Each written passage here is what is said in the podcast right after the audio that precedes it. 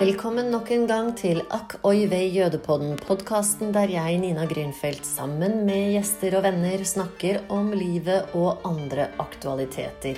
Men sett med et jødisk skråblikk. Hei, Monica. Hei, Nina. Det er altså så hyggelig å være her og jøde med deg. Jeg kjenner at jeg blir, jeg blir veldig glad og fylt av håp. Ja, ikke sant? Det er veldig hyggelig å høre. Er, eh, vi har jo allerede snakket sammen en gang eh, siden pausen vår eh, fant sted. Ja. Og nå er vi tilbake. Og denne gangen for å snakke om metylendioksymetafetamin. Ja, eller MDMA. Å, det var mye bedre. Eller, eller ecstasy. Ja, og, og hvorfor, skal, hvorfor Nå er det sikkert noen som hopper i stolen. Hva har det med jøder å gjøre, liksom? Jøder og droger. Ja. Det har vi egentlig snakket om i en tidligere, ja, det har vi faktisk. En tidligere episode. Ja, Og at jøder drikker ikke alkohol, de triller billig. Ja, det gjør de. Ja. Eh, og så kan man jo kanskje trekke en linje til denne tematikken som vi skal ta opp nå. Men, men det dette handler om, det har utgangspunkt i en artikkel som vi fant i det jødiske nettmagasinet Forward. The Forward. Ja, som vi liker å lese. Ja, liker å litt lese sånn populærvitenskapelig og litt sladder, men også ganske mye seriøst og spennende. Veldig mye interessant der. Og, og, det spørsmålet de har stilt, eller de har ikke stilt det, de refererer jo til solid forskning. Eh, og de forteller en historie om hvordan ecstasy kanskje kan kurere hat. Mm. Eh, og helt konkret så forteller de en historie om en antisemitt, som i dette materialet heter eh, Brendan. Brendan, ja. Ja, Amerikansk nynazist. amerikansk eh, nynazist. Og han eh, ville selv eh, ikke være nynazist lenger og hate så mye.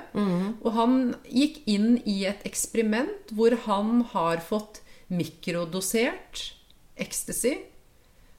Og har vært under behandling og øh, føler seg da mye bedre. Såpass mye bedre at han skal ha uttalt til en av forskerne at Love is the most important thing. Ikke sant? Nothing matters without love. Ja. Altså Det handler jo om at eh, det eneste som kan bekjempe hat, er kjærlighet. Og da blir jo spørsmålet kan ecstasy gjøre oss mer egnet til å utøve kjærlighet? Ja. Eh, Jeg tror det er litt viktig for å få litt grann kontekst her. Det er jo det at eh, i mange år nå så har forskermiljøer eksperimentert med mikrodoseringer. Altså, For det er litt viktig at det er mikrodosering. Vi snakker om medisinering her. Vi snakker ikke om misbruk. vi snakker ikke om misbruk, vi snakker ikke om egenmedisinering. Vi snakker om kontrollert medisinering med medisinsk personale til stede. Ikke sant? Vi snakker ikke om at du går og popper noe som helst på rommet ditt eller i huset ditt, eller får utlevert noen ting over disk. Dette her er laboratorieforsøk som er en del av større forskningsprosjekt. Og så er det jo ikke sånn at vi for seg er motstandere eller tilhengere. Vi ble bare veldig nysgjerrige når vi leste denne artikkelen.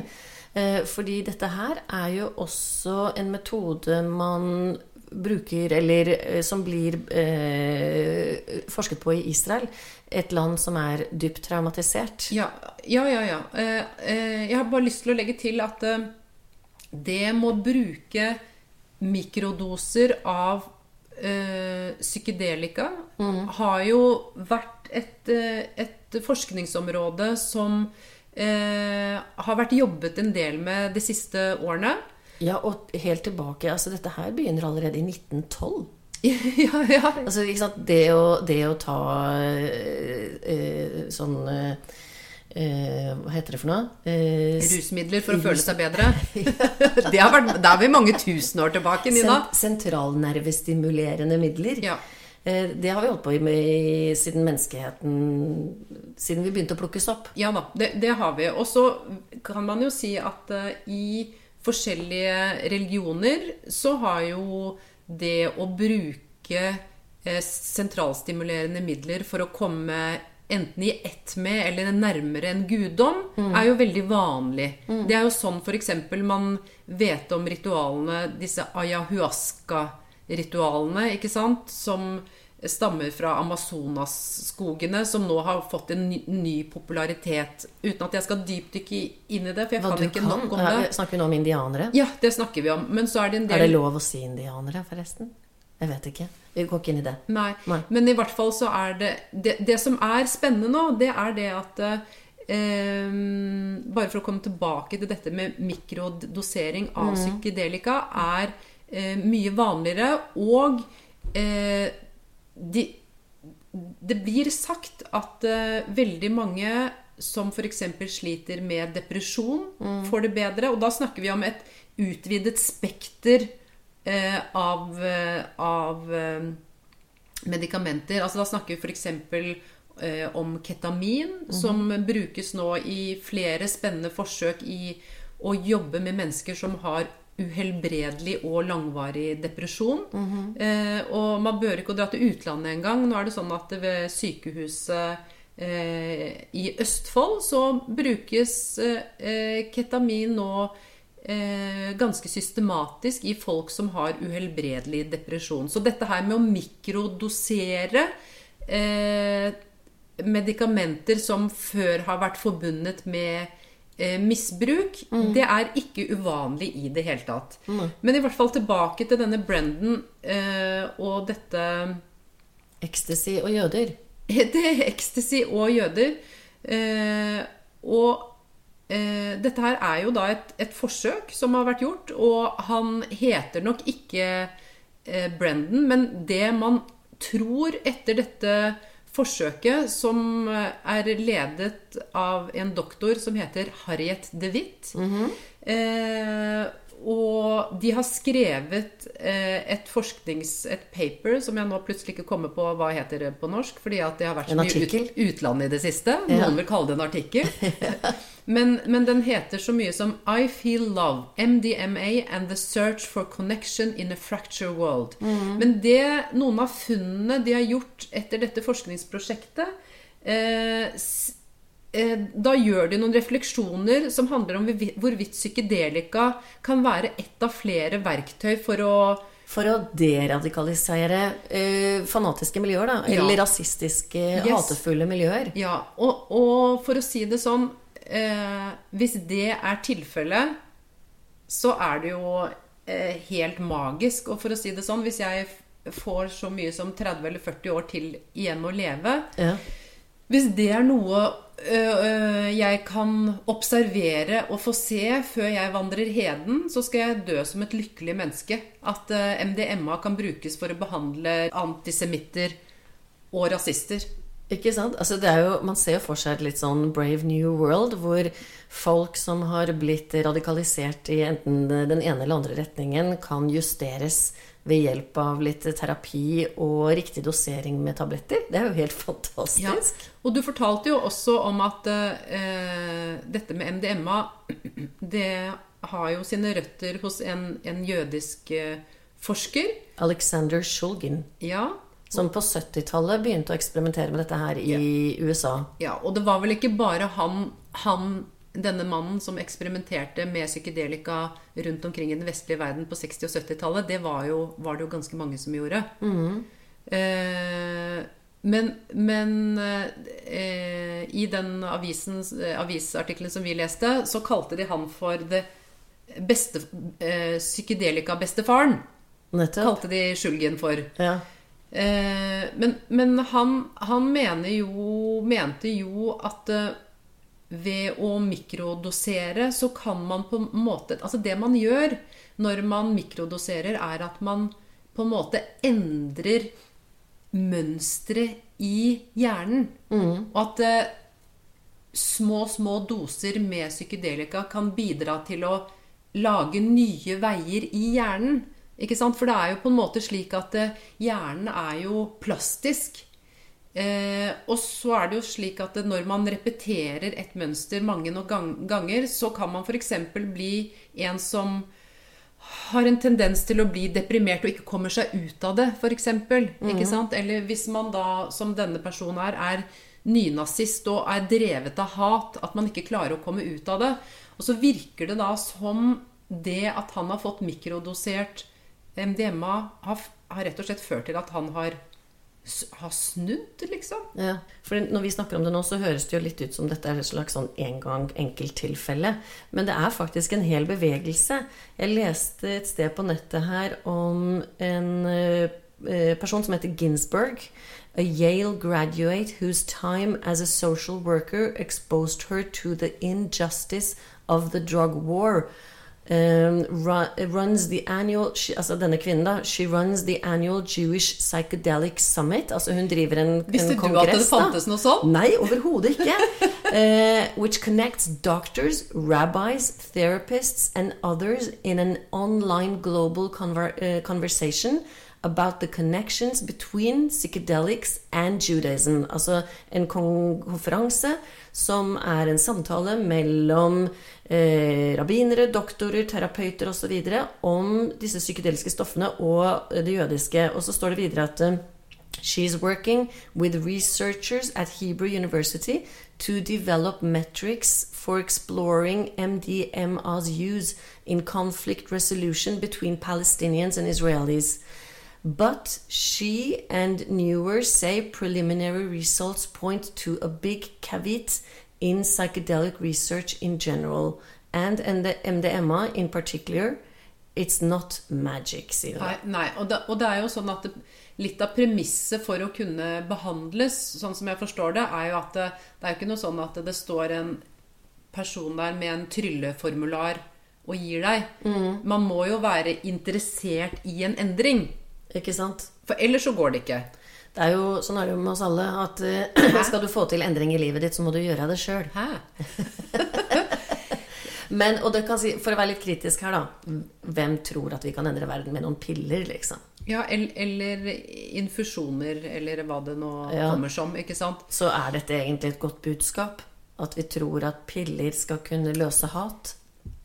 Altså, hvis vi, hvis vi skal ta en, ta en parallell, da Fordi at jeg syns det har vært interessant å følge de diskusjonene som handler om eh, f.eks. ketamin, og hvordan mennesker eh, har fortalt at eh, de har gått fra eh, nærmest en Men hva er ketamin? Er ikke det bare en vitamin? vitamin? Overhodet Nei. ikke. Ketamin er rett og slett en, eh, eh, anestesi, en anestesimedisin som har vært brukt i eh, å gi eh, bedøvelse. Okay. Og så eh, og, og det har også vært eh, brukt til hester, så noen steder så kalles det the horse drug. Men det som var, har vært litt spennende, det er at anestesilegene oppdaget at noen mennesker eh, rapporterte tilbake at de eh, følte seg bedre til sinns etter at de hadde fått bedøvelse med ketamin. Altså etter operasjonen, når de våkner Ja, opp? ja. Ok. Eh, og så har det da i de siste årene eh, vært gjort masse forsøk hvor de har forsøkt å behandle folk med uhelbredelig depresjon. Eh, og det er dette som de jobber med nå ved Østfold sykehus bl.a. Okay. Hvor folk med uhelbredelig depresjon mottar på statens regning infusjon med ketamin. Men hva er felles mellom ketamin og ecstasy? Nei, men det, det er en del av på en måte de ny, nyere Tanken om hvordan du skal medisinere? Eller, Ja, eller, ja, eller- behandlingsformer? Ja, eller eh, altså medisiner som tidligere har vært kategorisert som en, dette kan du bare bruke til bedøvelse, eller dette er narkotika, Mm. kan du ved å mikrodosere dem bruke til å behandle eksplisitte eh, tilstander hos mennesker som depresjon, og åpenbart også som hatefulle følelser. Da. Men, du, men vær kritisk. Så Mm. ketamin har ingenting med, med Hva var det du kalte det innledningsvis? En vitamin? En vitamin, ja. ja. Nei, det er noe helt annet. Kanskje det er bare fordi de slutter på amin, begge to? Ja, Men du, altså det er jo I 1985 så ble jo stoffet ecstasy, eller dette MDMA Metylynedioxymetamfetamin Jeg prøver å lære meg dette her. Ja. Det ble jo forbudt. Eh, eller vil si det var kanskje forbudt Ja, men- før òg. Men men da ble stoffet forbudt i USA, og opp gjennom 1990-tallet ble det mer og mer utbredt som illegalt stoff i særlig teknomiljøet. Og, Ja. og folk døde jo. 100 Og det er derfor jeg er så opptatt av at når vi snakker om det, så snakker vi om vi, eh, Det skal være medisinsk personell til stede. Det skal mikrodoseres. Eh, det skal være eh, eh, laget for å behandle noe. Det skal ikke være for at Men må du gå på disse tablettene resten av livet, da? Altså, Hva hvis du slutter ta pillene, begynner du å hate igjen? Nå er jo jeg bare en journalist og ikke en lege. Og ei heller en psykolog. Men, men, men eh, jeg tenker jo at eh, det ikke holder med ett shot. Du må jo både gjøre noen livsstilsendringer og ønske å eh, slutte å være nynazist, da. Ja. Eh, eller rasist. Eller hate generelt? Ja, fordi at hun kommer jo med et eksempel. Altså, det er jo ikke sånn at hvis du legger MDMA i Donald Trumps Diet Coke, så kommer han ikke til å plutselig bli eh, noe annet. Han kommer til å elske seg selv enda mer. Det blir enda verre. Og bli enda mer Donald Trump. Så man må på en måte ha en slags attityde, da. Men, men nøkkelordet her er medisinsk personell som administrerer, og at det er mikrodoseringer. Sånn at vi vet det. Og, og hvis det er slik noen hører på nå, at vi har ikke vært 100% korrekte i forhold til hva som er hva Jeg så, så, så sånn- ikke, ikke ta og, og spark oss i leggen, men send oss en e-post hvor, hvor dere sier Jeg har bare lyst til å informere dere om at her brukte dere begrepet litt feil. Ja, og jeg tror vi må ha en sånn disclaimer på denne episoden her, Monica. Ja. Fordi at eh, vi vet ikke helt hva vi prater om. Vi syns bare det er veldig interessant. Det, det vi har sagt, har i hvert fall stort sett utgangspunkt i en artikkel om denne forskningen eh, som vi har lest. Da. Men hvis Ja. vi har sagt noe feil, så beklager vi. Men og det, det jeg tenker også er at eh, det er jo ganske fantastisk. Det må jo være lov. Det er lov. Og vi tar selvfølgelig oss til rette med å få lov til å fabulere rundt de muligheter som fins der ute til å hjelpe mennesker ut av traumer. Ja. Eh, eller overkomme hat og ekstreme holdninger. Eh, jeg syns det er kjempeinteressant. Det som riktignok Du vet, du kjenner jo meg, Monica. Jeg har jo litt sånn hang til å være litt paranoid. Og så tenker jeg ok, nå har vi liksom introdusert ecstasy her som jødemedisinen, da. Og så skal det på en måte redde verden slik familien Sackler trodde at de skulle redde verden med Oxycontin. ja, nå er du der, ja. Ja, fordi det tok jo livet av en halv million amerikanere. Eh, og det er jo dette opiatet, altså et sånn type eh, kjemisk morfin, som da eh, avstedkom enorme avhengighetsproblemer og samfunnsproblemer. Og denne familien er jo blitt eh, hatobjekt nummer én. eh, På mange måter med rette. Og heldigvis så snakkes det ikke så mye om at de er jødiske, men alle vet det jo. Eh, og så tenker jeg at her sitter vi og liksom pusher, pusher ecstasy. Det, du, tenk om det går gærent, da. Da blir det jo bare enda en kilde til antisemittisme.